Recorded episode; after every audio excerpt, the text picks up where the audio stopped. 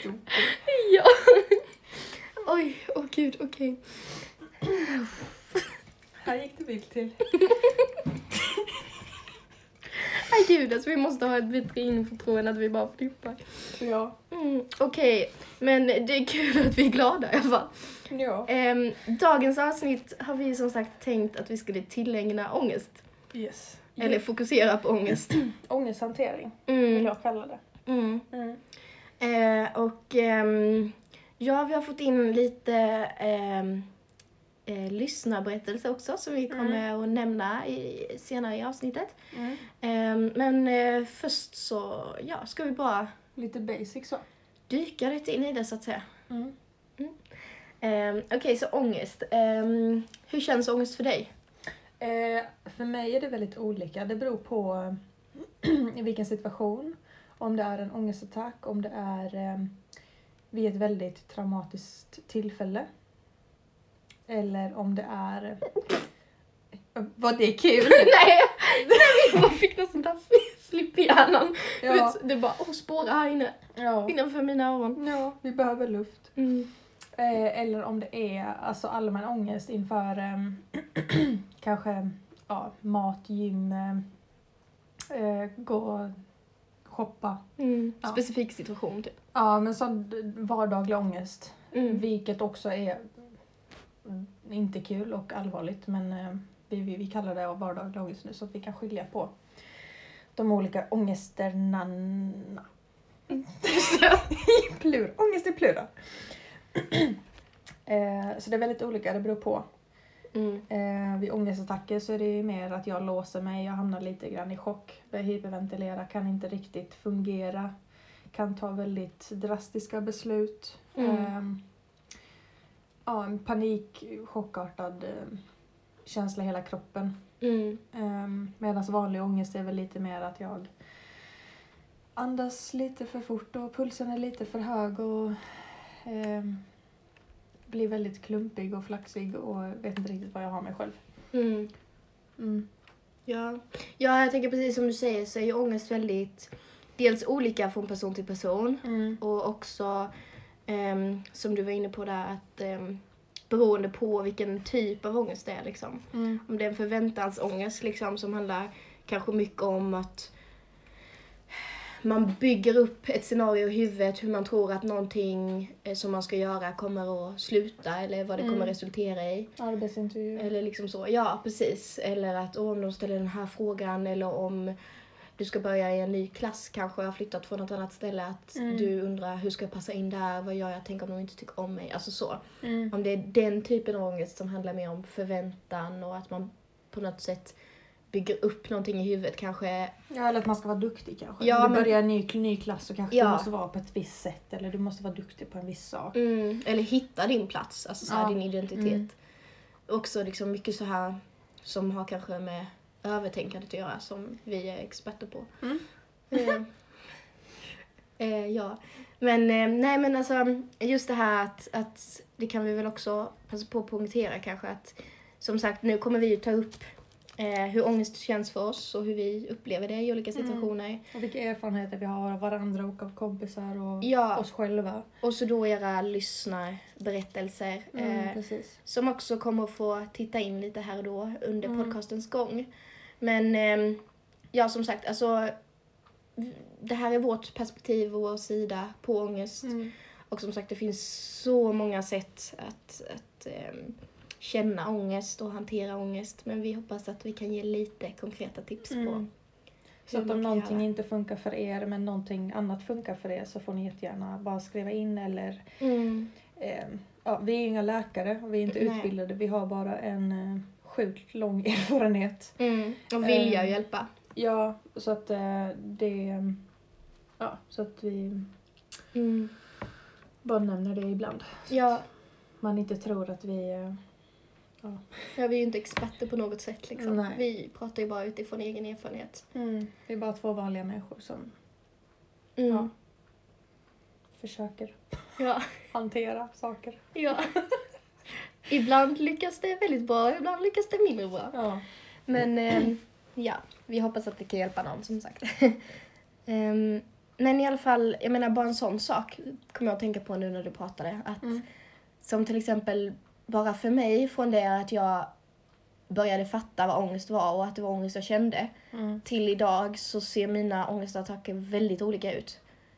Eh, om man tänker, nej men alltså så här, inte, inte den attack-attacken, men just att när du, du blev så förvånad. Ja, jag bara, så, hur menar du nu? Alltså Nej, menar men- du själva alltså, förloppet eller menar du vilka symptom du får eller vad menar du? Ja men lite både och. Alltså typ om man ska se bara hur det ter sig. Alltså just för mig så i början så ehm, blev jag väldigt, jag slöt in mig väldigt mycket i mig själv. Mm. Eh, alltså allt runt omkring blev bara som ett enda brus. Jag hörde inte, en, alltså det var bara så här mummel typ. Mm, om någon försvann, försökte ja. prata med mig. Jag försvann helt. Eh, kunde liksom stirra ut i tomma intet och bara, ja typ, alltså vilja försvinna. Och jag tror också att det speglade sig mycket i att jag faktiskt ville försvinna då. Alltså jag ville Okej, inte, mm. alltså så här, det var min, mi- det blev liksom någon form av tillflyktsort till ångesten. Ja, det blev din trygghet under tiden liksom. Ja, precis. Fastän Mm. att det var en falsk trygghet liksom. Ja, men ja, Men sätt. ja. Mm, Och jämfört med idag där det mer blir, ehm, ja men, eh, kanske få hjärtklappning, börja svettas. Eh, ehm, känner mig liksom väldigt påtaglig så här instängdhet, alltså klaustrofobisk känsla typ att jag måste Mm. härifrån. Typ. Mm. Ehm, och just det här att inte veta vad man ska göra, liksom känna den, någon form av maktlöshet. Liksom. Mm. Ehm, men ehm, ja, och sen såklart, min ångest börjar alltid i magen, men eh, vilka problem hos mig börjar inte i magen? Japp.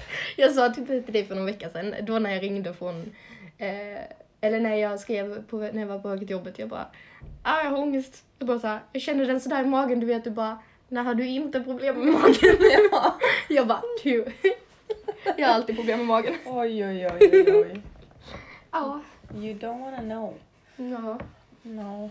Men jag tänker att eh, alltså den utvecklingen kan ju jag känna kan vara eh, alltså att du nu vet vad det är Mm. och att du någonstans har vant dig och att du nu är trygg i det otrygga så att säga. Ja, att jag har lite, alltså också lärt mig bemöta ångesten. Ja. För att i början visste jag inte hur jag bemötte den, då tror jag det var lättare att stänga in sig helt istället. Mm. Jag antar att det är lite därför. Ja. Men menar, det kanske låter som en väldigt konstig koppling men typ första gången någonsin man tvättar eller vi säger första gången du någonsin flyttar hemifrån du ska börja tvätta, skitjobbigt. Mamma gör inte det längre och du vet så här, det är bara bajs. Mm.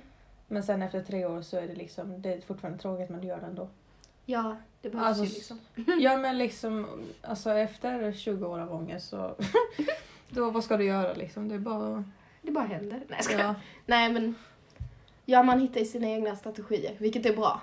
ja, För att annars hade det nog känts som, du vet, sådär de första gångerna man kände bara, alltså hur tar jag mig ur det här? mm, Kommer det alltid vara så här? Ja, det kommer det nog, typ. Alltså så, ja. när man var fast i det. Men i de väldigt svåra, alltså ens egna, de svåraste fallen tror man ju bokstavligt man ska dö. Ja, och ja just det. Och alltså, precis det här, det tänkte jag på också. Ehm, att så här ångest, det kan ju precis som du säger verkligen kännas som att okej, nu dör jag. Eller så svimmar jag, eller så flyger jag, eller så, så dör jag. Alltså typ så här. Ja. Men det är ju inte farligt. Nej, och det, alltså det, det är inte farligt. Alltså det enda som kan vara farligt så fysiskt sett är om du hyperventilerar så mycket så att du svimmar och slår dig i någonting för att du svimmar. Mm. Men själva ångesten, ångestattacken i sig är inte farlig. Nej, och själva att du svimmar är ju bara kroppens reaktion på att skydda dig. Ja, alltså svimningen är inte farlig men Nej. om du slår dig så är det ju farligt så. Men inte... Men vänta, jag tror vi övertänker det här nu. Va? Jag tror vi börjar övertänka detta nu. Vad menar du? På att svimma och slå huvudet i saker. Du menar jag bara det eller? Taking it to the next level. Ja men alltså, nej, men, Jo, men- typ när, min, när, min, när jag fick låg, eller nu, jag har lågt blodtryck och som min sjuk, sjuksköterska säger till mig. det är inte farligt, det enda som är farligt är om du, om du svimmar och slår dig. Mm, jo. Och det är ju faktiskt sant och det är samma sak med Mm. ångesten. Det enda som kan hända är att du hyperventilerar så mycket så du svimmar och sen slår dig. Mm. Men själva hyperventilationen eller ångesten i sig är inte farlig. Nej, precis. precis. Så att jag menar, det, men det tänkte jag faktiskt på häromdagen, just att den mentala eller psykiska smärtan är så djup så att du Mm. reagerar så extremt fysiskt. Mm. Ja. Det är galet. Att, och just det, alltså jag är väldigt fascinerad av det här att det är liksom en gammal stressreaktion på till exempel när vi behövde mer, alltså kamp-flyktbeteendet så här. Ja. Och typ eh, till exempel när vi behövde jaga för att få föda Mm. och det kom ett hot, och så är du mött en varg i skogen eller whatever. Mm. Det var ju då vi behövde stresspåslaget förr i tiden.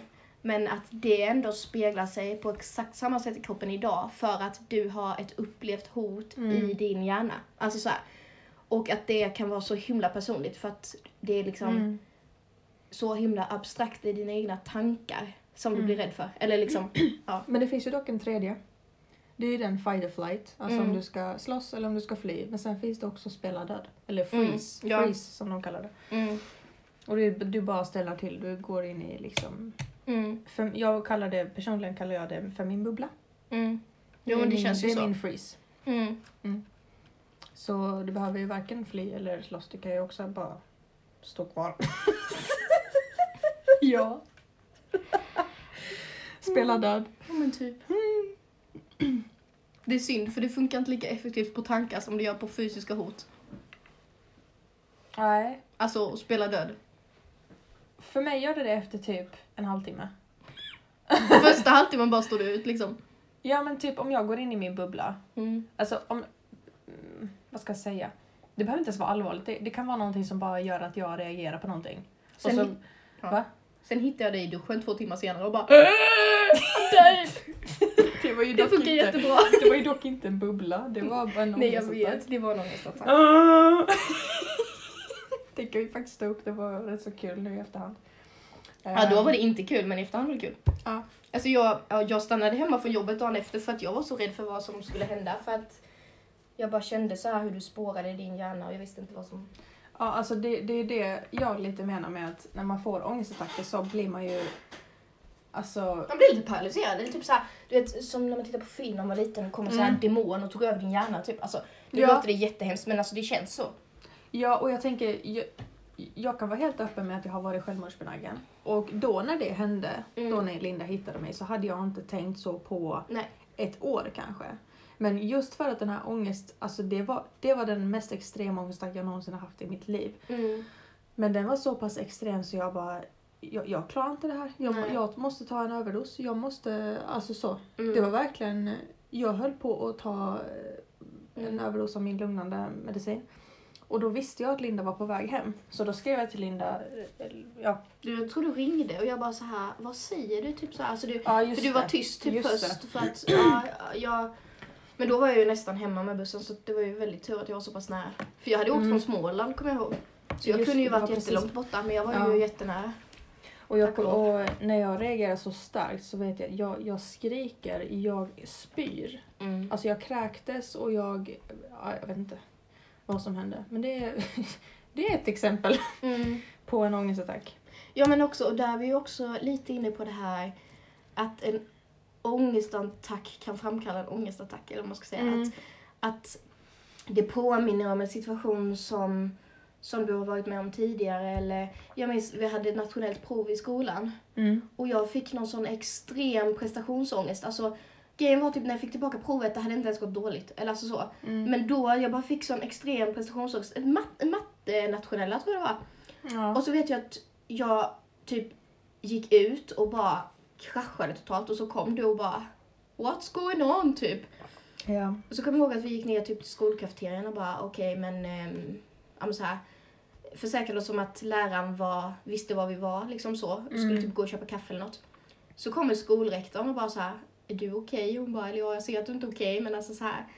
Ehm, för att alltså jag blev helt kaosad för att det började liksom som en krypande ångest kopplat till prestationen på provet. ja. Och att jag kände mig misslyckad och det fortsatte att spinna Mm. liksom.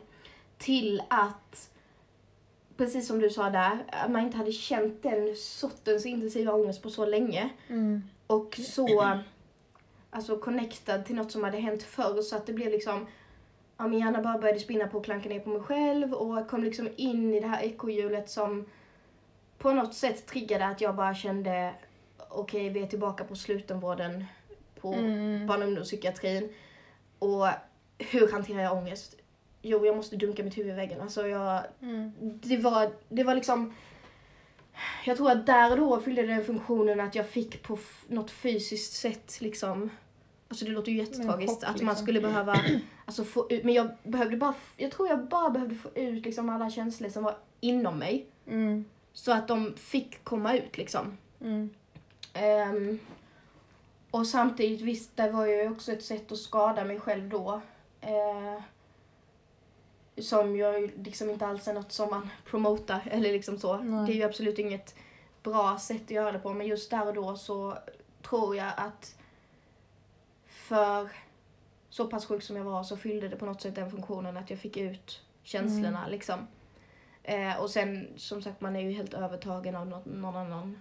Ja, det är ju Liksom. så svårt då, och det, det tänkte jag på när du pratade att det finns faktiskt en sak till som är farlig med ångest och det är just om den blir så stark så att du till Mm. slut inte vet vad du gör. Mm. För det, det vi pratade om innan, att jag fick den här och jag höll på att ta en överdos. Och, alltså, jag visste inte vad jag skulle göra. Jag Nej. liksom, Nej, men, och det var verkligen bara för att Linda var så nära som Mm. jag väntade ut det. Mm. För det var så pass kraftfullt att jag liksom... Jag, det fanns ingen utväg för mig att klara mig igenom det själv utan att Mm. någon höll i mig. Så att Mm. om man får en sån pass attack eller som Linda nu här, hon ville dunka huvudet i väggen. Och det var ju egentligen som ren reflex. För att det Ja. påminde om något gammalt som triggade Mm. någonting. Alltså det är så sjukt Mm. när man tänker på det. Mm. Hur hjärnan bara så här gör så supersnabba kopplingar. För att där och då så kände jag också samtidigt att ja, men det här är inget bra sätt, jag ska absolut inte Mm. göra det. Varför börjar min kropp nästan liksom... Mm. Ja men det går Ja. så fort. Mm. Alltså Så nervsignalerna bara boom och så är du tillbaka. Mm. Men just det här att man, vad ska man säga? Som att du har en försäkring Mm. på dig själv. Mm. Att även fast du vill ta en överdos så försäkra dig själv med någon eh, som bor nära eller en granne eller eh, pojkvän, flickvän, mamma, pappa, vem du nu har som är trygg. Försäkra dig med att om du nu skulle vilja göra någonting sånt som när du är normal inte vill. Mm. Se till att den försäkringen vaktar dig, man ska säga. Mm. Alltså, se till att du inte går för långt. För att när du väl, när chocken väl är över, eller attacken, så vill du ju inte det längre liksom. Nej. Nej, och att vare sig det handlar om att ringa någon liksom. För att det, Alltså bara så här reach out på något Mm. sätt. Ja, det kan ju också få en att vänta för att om du inte hade, om du hade varit två timmar ifrån Mm. och jag ringde dig så kanske det samtalet gör att jag väntar Mm. tills du kommer. Ja, men precis. Ja. Det gör det ju lite lättare att stå ut än att man känner sig helt ensam i världen liksom. Ja. Det var Så som det, när jag ringde min lilla älsklingsmormor. och här, alltså det måste du faktiskt, det var med chokladbollen. Ehm, som sagt, ehm, detta var för tre år sedan nu ungefär. Jag Mm. gick på dagvården i behandling för eh, min ätstörning. Och ehm, alltså, det var bara en sån dag när jag var så jävla less på skiten rent ut sagt. Ursäkta uttrycket. Vi kan ju säga nu att vi kommer skratta, men det var inte roligt då, men det är jätteroligt nu. Nej, det var fruktansvärt. Usch, fy fan vad jag mådde dåligt då. Men alltså idag Ja. så tycker jag det är så fruktansvärt roligt. Eh, för i alla fall, mormor, min mormor är en person som står mig väldigt nära i livet. Ehm, hon har liksom varit med mig hela mitt liv och jag känner att jag kan dela allt med henne. Jag ska försöka inte börja gråta nu för att det gör jag alltid när jag pratar om mormor. Nej. Men i alla fall. Så eh, vi var på dagvården och ehm, jag kände så här att okej, hela dagen hade gått. Det var dags för eftermiddagsfika, vilket man har precis innan man går hem, typ vid tretiden. Mm. Eh, vi gick alltid ut, eh, eller nästan alltid, men ganska ofta, gick vi ut till eh, kafeterian som ligger på, eh, eh, på psyk, eller på att säga. Eh, och eh, så fick man gå ut där och så under övervakning då från personalen så fick man välja sig ett relevant mellanmål. Och jag kände så här, nej nu jävlar. Tog min lilla delikatoboll i sån här liten prasselpaket du vet och gick. Gick fort som fan tillbaka. För att jag tänkte så här. Nu ska vi inte hinna ändra oss här. Nu ska vi bara så, hej hå. Eh, alla andra tog typ så här smoothie och en frukt eller något, vilket var typ standard för det var en så här lätt väg Ja. ut. Eller det var ju inte det, det var ju inte lätt heller, det är ju det som är så ironiskt men Ja, men, Ja. Ehm, och så minns jag att jag satt i min stol och tänkte så här: nej, jag ska äta den här fastän att de andra äter alltså, något annat. ja. Som vi äter oftare, som många av oss i alla fall tyckte var lättare. Så jag sitter där med min chokladboll. Och vet, jag börjar äta och bara så här, jag hoppades ju ändå att det skulle vara gott. Men det var ju inte gott för att alltså, jag hade inte ätit socker på flera år. Då är det inte särskilt gott. Nej, nej. Ehm, men jag tänkte så här, det är bara att fortsätta trycka. Och jag sitter liksom här och ska moffa i mig den här. Och du vet, jag bara känner ögonen på mig, alltså från personalen så här. Men ingen säger någonting. Och det är bara så, du vet, det är så himla tryckt stämning i hela rummet. Alltså allt är knäpptyst. För att de andra som liksom sitter där med sin smoothie och så här. Eh, och med, medpatienterna som sitter runt omkring. De bara, åh fy fan vad hon mår dåligt. Alltså så här, de såg ju verkligen på mig. shit, Alltså för jag satt och skakade hela jag. Jag kunde knappt hålla i den här jävla chokladbollen för att jag bara liksom så här hoppade överallt med händerna. så de såg ju det och därmed så blev ju stämningen också väldigt så här. Alltså man, Alla hade ögonen på dig. man kunde verkligen höra en så här Nål. nål droppa. Ehm, I alla fall så jag lyckas i alla fall till slut på den här halvtimmen eller vad det är trycka i mig den här chokladbollen. Och ja, alltså när jag är färdig, jag menar pff, vem sitter kvar? Jag sprang därifrån. Alltså så här, jag kunde inte sitta still. Alltså det var verkligen, nej, jag bara shit, what did I do? Det här var inte ens gott. Och jag fick sån ångest. Och du vet, ja men typ de andra medpatienterna började också gå hem så här. Personalen sa ingenting. Och jag bara kände så här, men alltså jag fattar Alltså, inte jag hur, så- hur de kunde hålla käften. nej men alltså jag, jag hade så mycket ångest så jag bara så här, någon kanske, alltså jag kände ändå så här, någon kanske ändå skulle kolla läget. För att det är ju inte så Ja. jättebra att jag bara sticker hem och bara, Ja, det kan vi prata om väldigt mycket med om sen. ja. Men det är så här, jag kunde hamnat var som helst i princip. Jag vet att det var några som kom fram och bara så här, shit vad du kämpade alltså. Ja. Och de liksom så här, som sagt de var också drabbade så att det var liksom inga sådana här kommentarer som bra jobbat eller du vet, alltså, som kan tolkas fel utan bara så här, Ja. shit vad du kämpade. Mm. Ehm, och kände ändå så här, ja det blev lite bättre men åh gud. Kom ut ur psykiatrihuset, bara störtlipar. Alltså, ja, alltså där är det något glapp för jag vet inte vad jag gjorde. Jag kommer ihåg jag satte mig på bussen och hade sån ångest, hyperventilerade och bara så här. Åh, låt ingen titta på mig, låt ingen titta på mig. Jag vet inte vad jag ska ta vägen, jag vill bara sjunka genom sätet liksom. Mm. Eh, och alltså den bussresan kändes som en evighet. I alla fall så hoppade jag av bussen typ lite tidigare för att jag bara såhär, jag kan inte sitta kvar här, alltså jag får panik. Ehm, och ehm, hamnar i alla fall någonstans nära Lund central. I en hängmatta. Ja just det, de. Ja, Mm. och vad gör jag? Jo, jag ringer min mormor. Och hon bara, ja men du är alltid, alltid så jätteglad när man ringer och bara, hej och liksom så här. Och jag bara, mormor. Och hon bara så här, men vad är det, vad har hänt? Jag bara, jag åt en chokladboll. och vet, jag var så förstörd. Och hon bara så här, men varför, vad, när gjorde du det? Eller liksom så här. Och jag bara, precis nu. Hon bara, men vad är du nu då? Jag bara, i en hängmatta. Typ så här. Alltså du vet, det var så himla random. Och mamma var så himla söt. Hon bara så här. Ja, du vet, försökte peppa allt vad hon kunde liksom och eh, så här verkligen supporta mig. Och så pratade vi ett bra tag och hon bara så här, ja men tänk inte mer på det nu så här liksom, försök och, och Var det inte någonting med hovet? fokusera på något annat. Nej det var ju inte då, det var Jaha, tidigare. okej. Ja. Eh, men eh, ja i alla fall, så vi pratade ett bra tag och så kände jag lite så här, ja. Alltså hela min kropp bara skrek så här, vem ska du ringa? Ring mormor för att hon är så jävla chill med sånt. Alltså hon bara så här, "Men chokladbollar det är nyttigt, det är havregryn i typ. Alltså så här, så söt.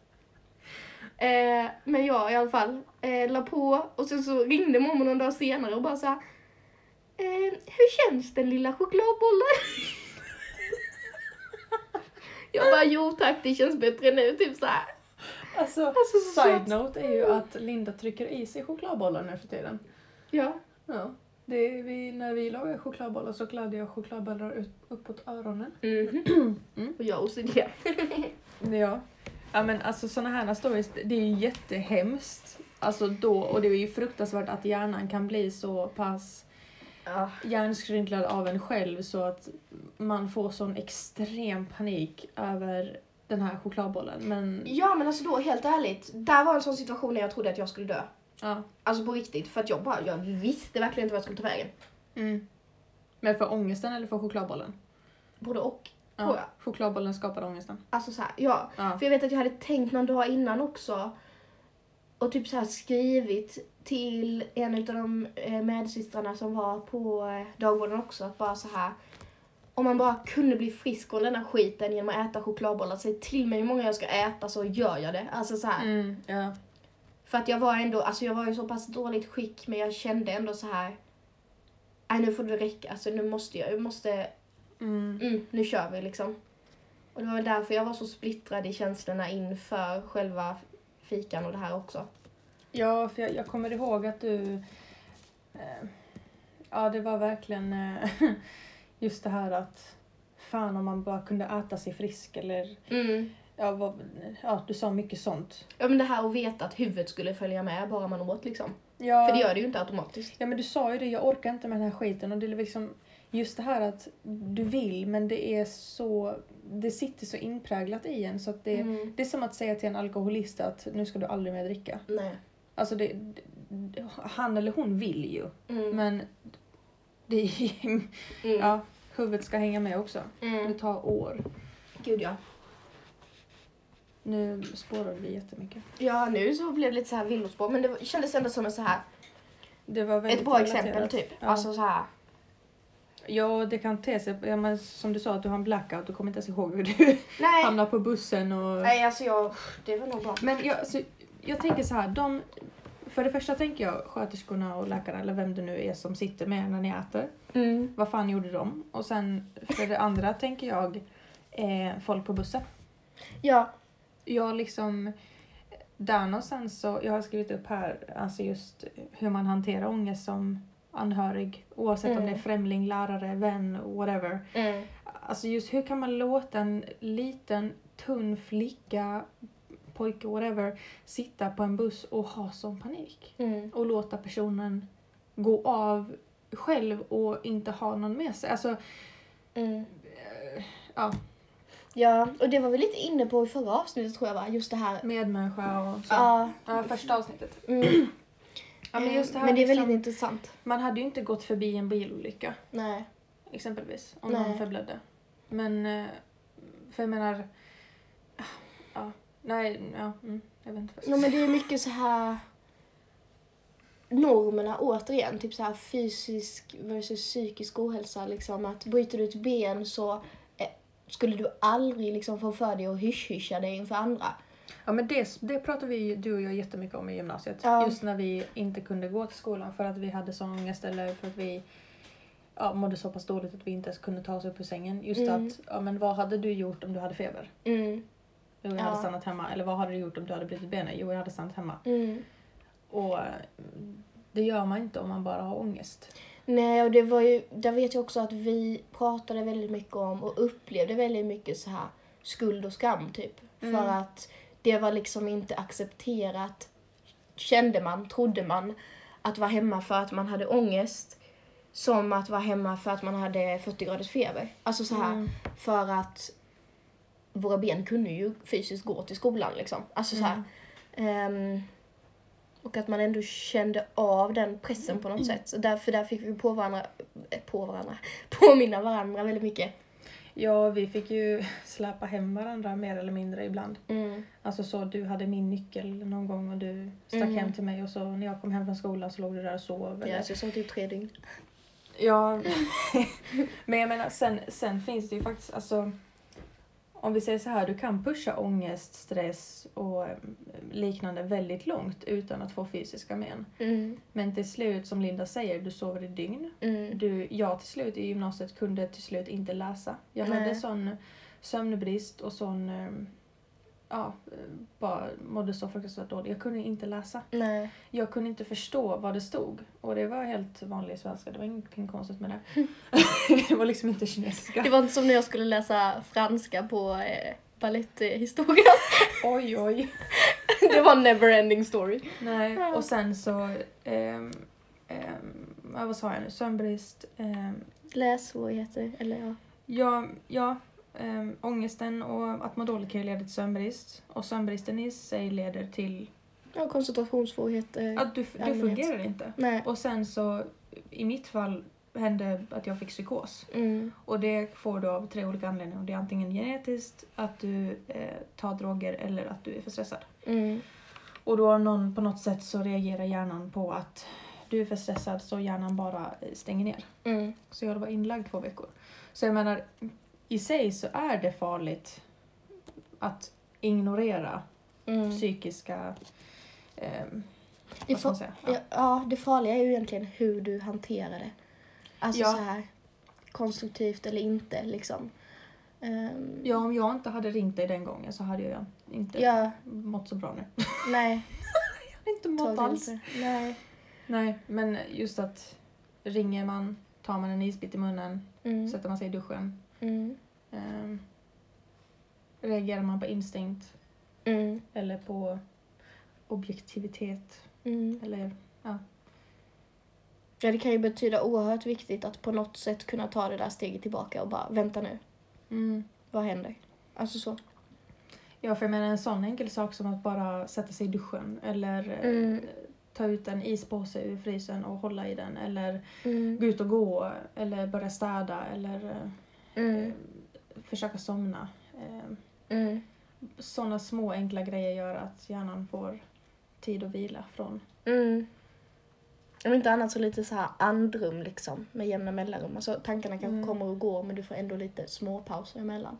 Ja. Som ändå kan vara väldigt viktiga. Det var som jag körde på förra året. Vilket ju faktiskt var väldigt effektivt men får lite konsekvenser nu senare. Jag tittade ju så mycket på serier för att distrahera mig.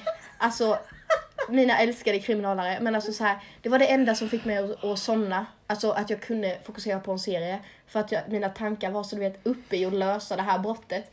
Men nowadays, när jag inte behöver använda det som en ångesthanteringsgrej så bara somnar jag ju för att nu var min kropp bara såhär, åh, det är en serie, let's hon sleep. somnar Typ. hårt. Alltså ja, jag sover som en sten. Alltså du vet, det är bästa, kan ersätta all Terralen som finns i världen typ. Och det förstår jag kan inte somna till sånt. Jag kan inte somna när jag läser, jag kan inte somna när jag ser på film. Jag somnar av yoga, typ. Ja. jag fattar inte det, men det är jättebra att du har det. Sen Ja men det är olika, som sagt också, det ja olika. precis, det är olika grejer som funkar för olika människor. Jag hade nog mest, jag tänkte, jag skrev ner här på min tipslista, typ så musik och sånt. Men det kan ju Mm. faktiskt trigga ännu mer. Ja. Typ om jag är ledsen och jag lyssnar på glad musik, då blir jag bara förbannad. Jag trodde du skulle säga så här, du vet, om jag är ledsen och hör en viss låt och sen så går det tre år och så hör jag den låten igen, då blir jag ännu mer ledsen, trodde jag du skulle säga. Du bara, om jag hör glad musik så blir jag förbannad. Nej men jag... jag menar...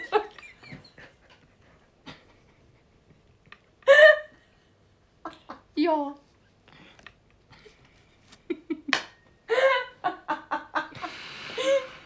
men fan, om du är ledsen och så hör du liksom happy from Jo. Despicable Me Jag vet. och så bara för det första vill man ju inte vara happy när man är ledsen för då är du ledsen. Vad fan Mm. ska du lyssna på happy för? Mm. Och sen för det andra så blir man ju mer ledsen för att du inte kan vara happy. Ja, jag vet, jag vet.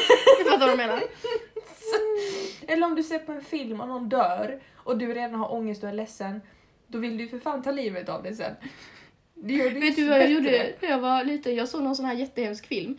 Och jag har alltid varit ganska tålig för kriminalare och sånt. Men det var någon jättetragisk film och det var typ frun dog och du vet han var helt förkrossad, whatever. Alltså jag var så sorgsen när den här filmen var slut och det var, grejen var att jag hade fått stanna uppe lite längre än läggdags liksom. För att se färdigt den här filmen. Och sen efteråt så bara fick jag sån ångest, alltså verkligen ångest. Jag hade Mm. ingen relation till de här människorna men jag mådde så fruktansvärt dåligt för att filmen slutade så himla, alltså det var så kast slut. Och sen, Men du tror inte att man reagerar så för, för att det är någonting i filmen som ja, relaterar som till är kopplat till, och det var ju just det som hände I guess. Mm. Men i alla fall, alltså jag mådde så dåligt och jag fick sån panik och jag bara, jag kommer aldrig kunna sova nu. Så vet du vad vi gjorde? Gott chokladbollar. Nej, vi satte på High School Musical. Oh my god. För då blev jag liksom glad igen. Oh my god. High School Musical. Vilken av dem? Jag tror det var ettan, jag vet inte. Men jag, jag, kan, jag, jag har också ett sånt filmexempel. Mm. Och det var, vi bodde fortfarande kvar, det var några år efter att vi hade flyttat in till stan. Vi bodde i lägenheten, jag såg på en film och den hette, vad fan hette den? Det handlar om en finsk, ehm, alltså när, när finskarna blev flyttade till Sverige. Mm. Eller de ehm, flydde till Sverige under kriget. Alltså en dokumentär typ eller? Nej, det var en film, alltså ja, Mm. Dramatisering, typ. Ja, precis. Men den här killen då fick flytta till en svensk familj och eh, i slutet då när han skulle tillbaka till sin mamma eller om han, eh, ja det var någonting sånt, med någon mamma i alla fall. Mm. Eh, och den här mamman hade inte varit bra. Jag, jag, det var någonting sånt med någon mamma och jag reagerade, jag blev så, jag bara grät. Och jag bara grät och grät och grät för jag relaterade så till den här smärtan gentemot den här mamman. Och eh, jag kommer ihåg att min mamma kom in och liksom bara, men vad är det? Och då säger jag då, ja men att det bara är hemskt typ, eller jag, jag vill inte att, att eh, jag kommer inte ihåg exakt vad jag sa, men jag reagerade så otroligt starkt på det. Mm. Och just det här då att jag kanske kände en viss skam eller att jag inte ville berätta helt för henne varför jag, jag vet inte, blev så triggad av det. Mm. Ehm, jag tror att jag kanske sa någonting i stil med att jag inte ville att hon skulle dö eller så. För Mm. att jag kanske fortfarande hade något sorts form av hopp. Mm. Ehm, men ehm, ja, Mm. kolla inte på filmen i ångest. är vår slut, slutnot. Eller? Precis. Ja. Kolla på High School Musical. Mm, och typ Mm. Så här lagom, ja. Oseriös liksom. Ja men som sagt, kriminalare funkar väldigt bra för mig för jag vet att det har inte hänt, oftast har det inte hänt i verkligheten. De jag kollar på. Nej men alltså det engagerar min hjärna så mycket för att jag vill lösa fallet innan dem. Fattar du? Mm. Jag fattar. Fattar du Duva? Ja bror. ja. Men Nej. du, jag, jag tror jag gör samma fast med Youtube. Jag trodde fast- du skulle säga Masterchef för det tittar du alltid på. Det Ja gott men, ja men, men jag tror att jag tittar Jo, på det för, för, att, Mm. för att min hjärna liksom inte behöver tänka. När den kopplar av. Jag tror, jag tror att jag gör tvärtom än vad du gör. Mm. Att jag liksom, om jag har ångest eller jag inte mår bra eller jag behöver pausa eller jag går in i min, min bubbla och jag behöver få i fred. Sätter jag på min Youtube och så kollar jag på någonting som, alltså det är samma sak i 20 minuter typ. Mm. Någon gång har jag kollat på nail compilations, alltså de målar naglarna i olika designer i typ 20 minuter. Mm.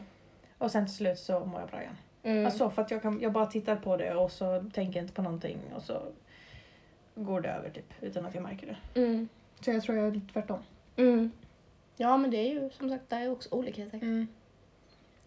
Och jag Okej. tror man får verkligen hitta, alltså just det här med att hantera, det finns så många vägar och det finns så många sätt och man, jag tror att det har också mycket att göra med Alltså hur man är som person och hur man... Mm, absolut. Och varför ångesten kommer. Liksom, också. Ja, speciellt. Utifrån vad. Men ehm, nej, jag tänkte också på det här, alltså man kanske skulle gå in lite på liksom så här hur ångesten har begränsat vissa Mm, saker mm. och kanske ge alltså, lite verklighetsexempel även där, hur man kan upp, ha upplevt att ångesten har begränsat. Ja, för det kan, ju, det kan man känna när man får ångest att fan kommer jag missa detta eller så här. Mm, Och det är ju hur jobbigt det än är så är det en del av det. mm, Om du är en person som har ångest, depression, whatever mm, så kommer det ta upp mycket del, eller mycket tid av ditt liv. mm. Det är ju hur många gånger, alltså oräkneliga, oräkneligt antal gånger man har haft en ångestattack till exempel och tänkt ja det var meningen att jag skulle varit där nu, jag skulle varit på min kompis Mm. födelsedagsfest eller jag skulle varit på den där lektionen för det var egentligen den som gav mig ångest att jag kanske skulle behöva missa. Så det var Ja. därför jag faktiskt tog mig till skolan, utsatte mig för ångesten och nu ligger jag ändå här och mår dåligt och inte är med på lektionen. Mm. Alltså så här. Eller den man får ångest över ett prov. Mm. Så du missar provet och sen har du ångest för att du måste göra omprov. Ja, typ. Ja men alltså så. Ja. Det är typ the story of my life. Alltså Mm. så här prestationsångesten som gör att du får så mycket ångest att du helt ärligt inte lyckas ta dig in. Alltså du är i skolan Mm. men du lyckas inte gå in i salen för att du vet inte vad du ska ta vägen. Eller typ i ettan gymnasiet, det vet Linda också, jag, jag, var inte, jag gick inte med på någonting. Jag gick inte med på inspark, utspark, Mm, eh, inte picknickar i, i parken och, alltså, och det var så här, vi var ju flyttfåglar, eller man Mm. kallar folk som hade flyttat ner i skolan.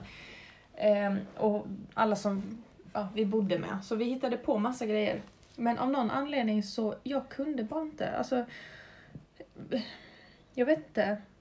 Och det, det kan jag väl känna kanske någonstans att fan jag missade det men samtidigt så var det väl kanske det jag behövde då. Jag gick Mm. till gymmet istället, jag eh, kollade på film istället. Mm. Ehm, Ditt sätt att jobba med dig själv liksom också. ja. Idag kan jag ju känna samma sak men idag kan jag mer så här ja men kom igen nu Messina, gå ut och gör det. Mm. Så Men en helt annan distans på det också. Ja. Så jag menar man kan ju verkligen känna att man missar mycket. Mm. Samtidigt som du kanske behöver missa det Mm. på ett sätt. Mm. Ja. Och att, ehm, ja men det kommer jag ihåg vi också har pratat mycket om. Att, eh, och jag ser hur den här personen i samma ålder har gjort så Ja. mycket redan och har klarat så mycket och är redan ehm, involverad i så mycket. Och har Men- massor med mål liksom Ja. som de har uppnått. Och själv så är man där i sin, kvar i sin, ja, väldigt komplicerade cirkel av kaos. Mm. Man kämpar liksom på något sätt för sin överlevnad liksom, känns det som. Eller så är det ju. Medan alla andra runt en bara går framåt. Och jag tänker att det samma sak som vi sa förra gången, att man kan inte jämföra sig med alla andra för Nej. att du har olika förutsättningar. De personerna kanske har växt upp så som man ska växa upp i en trygg familj och ehm, ja, allt det här. Mm. Eller har sina problem i någon annan faktor i Ja. livet liksom. Och, eller de kanske får problem sen med sin pojkvän eller whatever. Mm. Eller kanske inte kan få barn om 20 år eller någonting. Men just det här att det går inte att jämföra sig men det var jättejobbigt just att jag kände mig dålig för att jag inte Mm. var på samma platser som alla andra var. Ja, det var ju lätt att känna att man på något sätt inte ens hade nått upp till normalnivå vad, för, vad som förväntades Ja. för någon i ens ålder. För att man låg liksom minus där på något sätt. Mm. Medan det kändes som att alla andra låg på plus och kunde lägga till massa extra mål för deras liv och nyårslöften och liksom Mm. så. Men jag tänker att där låg ju vi kanske inte riktigt på minus för att eh, vi eh, någonstans inte var kapabla mentalt till det utan kanske mer för att Mm. vi alltid har legat på plus. Eller tvingat oss själva att ligga på plus hela tiden. Mm. Så att vi till slut kraschar. Mm. Ja, och sen också kanske belysa att mitt i det hela så kanske vi på något sätt och alla de där ute som kämpar med sig själva mot någon form av psykisk eh, hälsa, ohälsa, liksom så.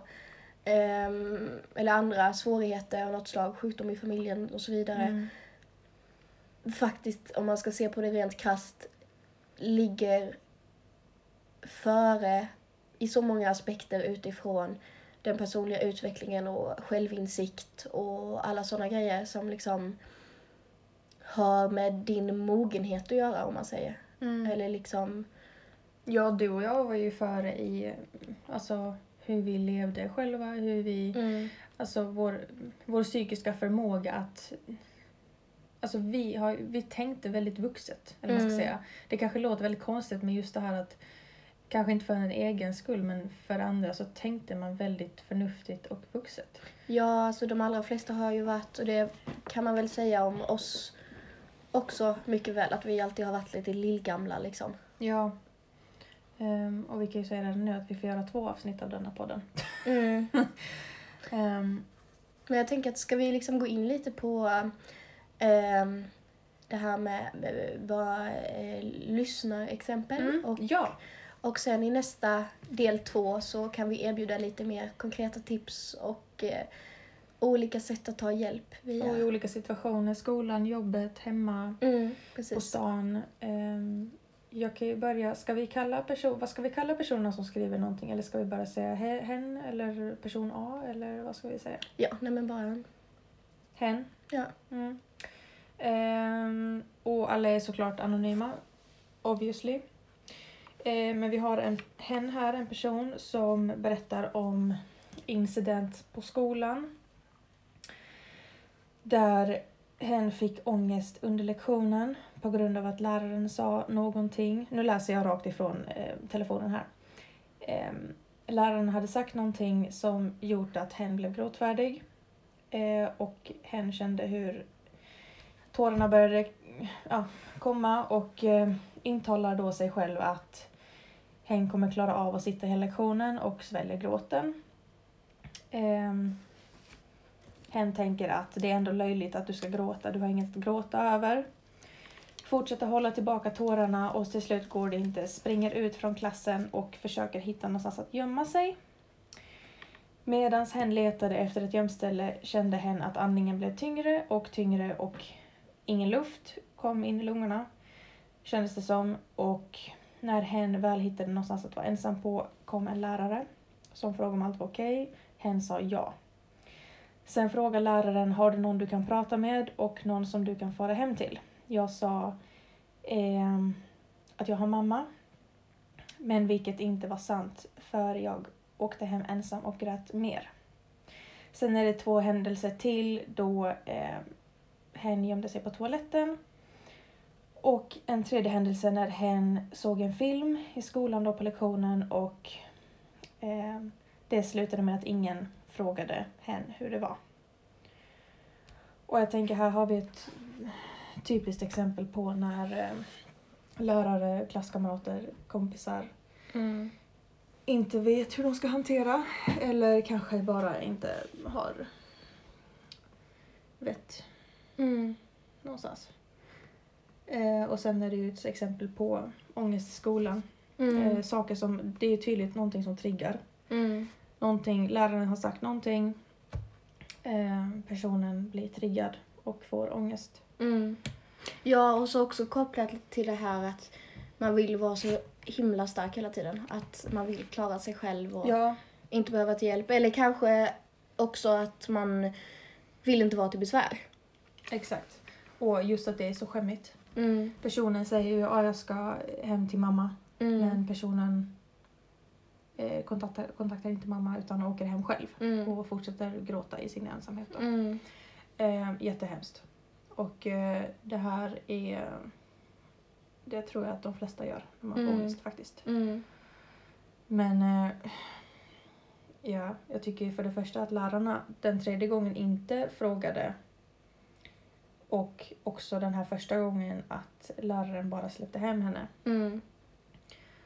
utan att ja, djupdyka lite mer i vad som hände. Mm. Ehm, Men vad, vad tänker du att man ska göra när man får så här reaktion i skolan?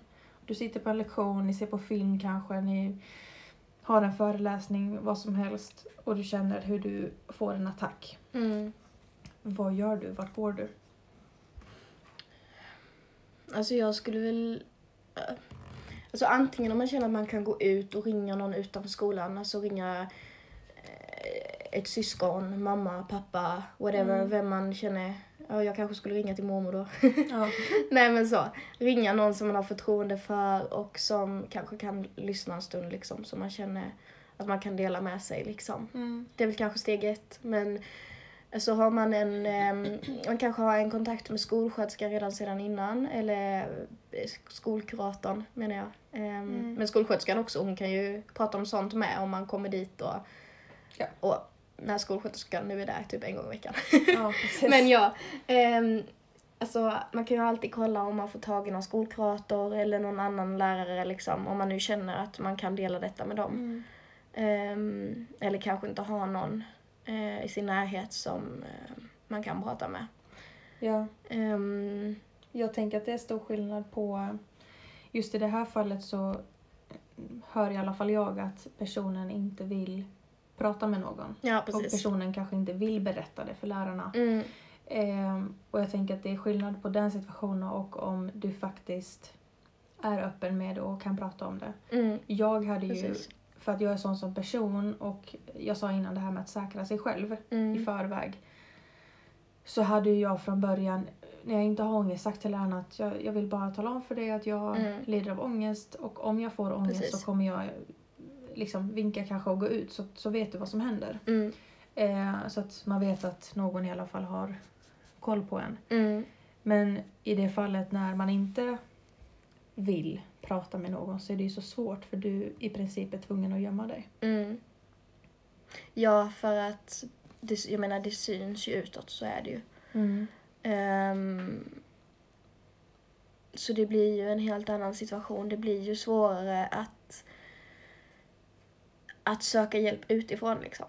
Mm. Eh, det man skulle kunna göra då är väl att vända sig till de olika former av stödlinjer och stödchattar och så som finns eh, Mm. Utifrån, som är anonyma liksom, där man själv kan vara anonym. Mm. Eh, för då behöver man inte öppna upp sitt liv på samma sätt. Eh, Nej. För att du kan vara anonym och du behöver inte umgås med den här personen du har pratat med. Behöver inte förklara dig. Nej, precis. Ehm, det skulle väl vara egentligen mitt number one tips, tror jag. Mm. Eh, om man nu känner att man ändå vill få ur sig det. Likadant kanske så här. jag har använt mig mycket av typ så här eh, mentalt klotterplank. Att jag har typ tagit ett vitt papper och bara så här öst ur tankar, typ som en mindmap. Mm. Och bara så här skrivit ord, meningar eller ritat bilder eller liksom så här. Och bara liksom i princip spytt upp allt på ett papper. Mm. För att få ur mig det Mm. och dela det på något sätt och sen behöver man inte, eller likadant man kan skriva brev men man behöver inte skicka det till någon. Nej, just det. Du kan bränna upp det om du vill, alltså så här. Mm. Mm. Och jag tänker också att om du är en person som inte vill dela med dig så stanna i alla fall i huset. Alltså om du är i skolan, du har lektion, Mm. om du, speciellt om du är lågstadie eller högstadie och inte får lämna området för då så är det oftast, det är inte så i gymnasiet men Mm. just att du stannar i huset i och med att du har, även fast folket runt omkring dig inte vet att du sitter där inne och tror att du ska dö, Mm. så finns i alla fall människor runt dig så att du, du kan inte ja, göra Mm. någonting farligt. Om det nu skulle bli extremt så har du någon som kan ringa någon eller hjälpa dig eller så. Så att du Precis. inte går hem Mm. utan att du har koll på situationen så att säga. Mm. Så, men du behöver inte ens visa det, du kan bara gömma dig på en toalett i en, två timmar, kolla på Youtube, vad du nu behöver göra för att hantera det. Och kanske också alltid ha någonting med dig i väskan, som Linda sa, papper och penna så att du Mm. kan kladda eller hörlurar eller ehm, stressboll. Mm. Ehm, så att man hela tiden bara kan gå undan och gömma sig och eh, stressa bollen. Mm. Ja. Ja, jag hade ju ett tag en sån här mandala-bok i miniformat det. med mig som jag köpte på typ Akademibokhandeln. Mm. Eh, Det finns till och med på Pressbyrån tror ja, men några såna fyllde jag ju också. Alltså så jag. Mm. Mm. Ehm, och likadant där, alltså har du till exempel en sån relation med dina lärare eller skolan att du kan förvarna om att det här pågår i mitt liv nu, det, det ger mig mycket ångest och så och att eh, det hjälper mig till exempel att färglägga en bild. Eller alltså så Ja. då har de allra, allra flesta förståelse för det om Mm. du sitter och kluddar lite medan lektionen pågår. Alltså så. Mm. Ehm, vilket de kanske inte hade haft i vanliga fall. Nej. Eh, troligen. Men eh, det är också väldigt beroende på situation. Så gjorde jag också Så. att jag meddelade lärarna och så sa de att om du behöver ta en paus så får du gå ut. Ja men precis. Så fick jag gå ut i tio minuter och jobba. Alltså om vi säger vi, säger vi skulle göra en uppgift så fick jag sitta ute och jobba med den Mm. uppgiften för att de visste att dels litade de på att jag gjorde den och dels Mm. så visste de att jag jobbade bättre så i och med att jag kunde hålla mig lugn och så. Mm. Och det handlade mycket om ljudet tror jag. Tror jag. Mm. Ja. Eh, så försök liksom ta reda på vem är du? Vill du ta det med en lärare? Finns det någon på skolan du kan prata med? Mm. Ehm, eller inte prata med, men så, så att den vet. Mm. Jag tror att det är nästan viktigare än att prata med någon. Prata med någon Ja. kan du göra annars. Men just att Just det här att känna att någon vet och någon har koll på vad som Ja. händer i ditt liv typ. Det så. kan kännas lite tryggt för att då om, Mm. det nu skulle, du skulle bli hittad på skolgården gråtandes eller Mm. avsvimmad så vet i alla fall en person att okej den här personen är inte dum i huvudet. Hon bara Mm. har en ångestattack, det är ingen fara. Mm. Jag också, alltså så här. Man måste inte vara så himla stark jämt. Alltså, Du får bryta ihop. ja, bryt ihop, kom igen. Eller bryt ihop och bryt ihop igen. Och Ja. sen kom igen. Eller alltså så här. Göm dig under täcket två veckor. Ja men du, tillåt dig att känna och tillåt dig att verkligen Ja men bryta ihop om, om du känner att det är det som behövs nu liksom. Fine, Mm. do that. Mm. Ehm, Ja. Alltså jag eller Linda sover i ett dygn i sträck. Då gör vi det. Det, betyder, alltså, det är Mm. bara en signal på att din kropp behöver vila. Så Mm. enkelt är det. Det mm. är ingenting annat. Ja och det kan ju dessutom vara gammalt som ligger. Ja, väldigt. Alltså så. Mm. Mm. Bunkrat under en längre tid och sen så bara, nej nu! Nu sover vi. It's time to sleep. Nej, nej men eh, ja som sagt. Summan av kardemumman. Kommer det del två? Mm, typ. Nej, men ehm, vi tackar eh, de som har skrivit in med lite personliga berättelser och ehm, andra förslag på vad ni skulle vilja höra i- här i podden. Eh, och med det så tackar vi väl för oss i detta avsnittet och återkommer i del två som släpps nu eh, Samtidigt. samtidigt. Och ehm, där ger vi mer konkreta tips på hur man kan hantera ångest, var man kan vända sig. Ehm, Det kan vara skönt att ha ett litet avbrott mellan allt detta snacket och de konkreta tipsen. Kanske Ja, ta precis. två dagar och bara chilla lite och sen lyssna på dem. mm. Eller ha dem bara snabbtillgängligt i ett eget litet separat avsnitt. Exakt. Om man inte vill lyssna på vår chubb innan alla tipsen kommer. Ja. typ så. Shit. Ja, okej.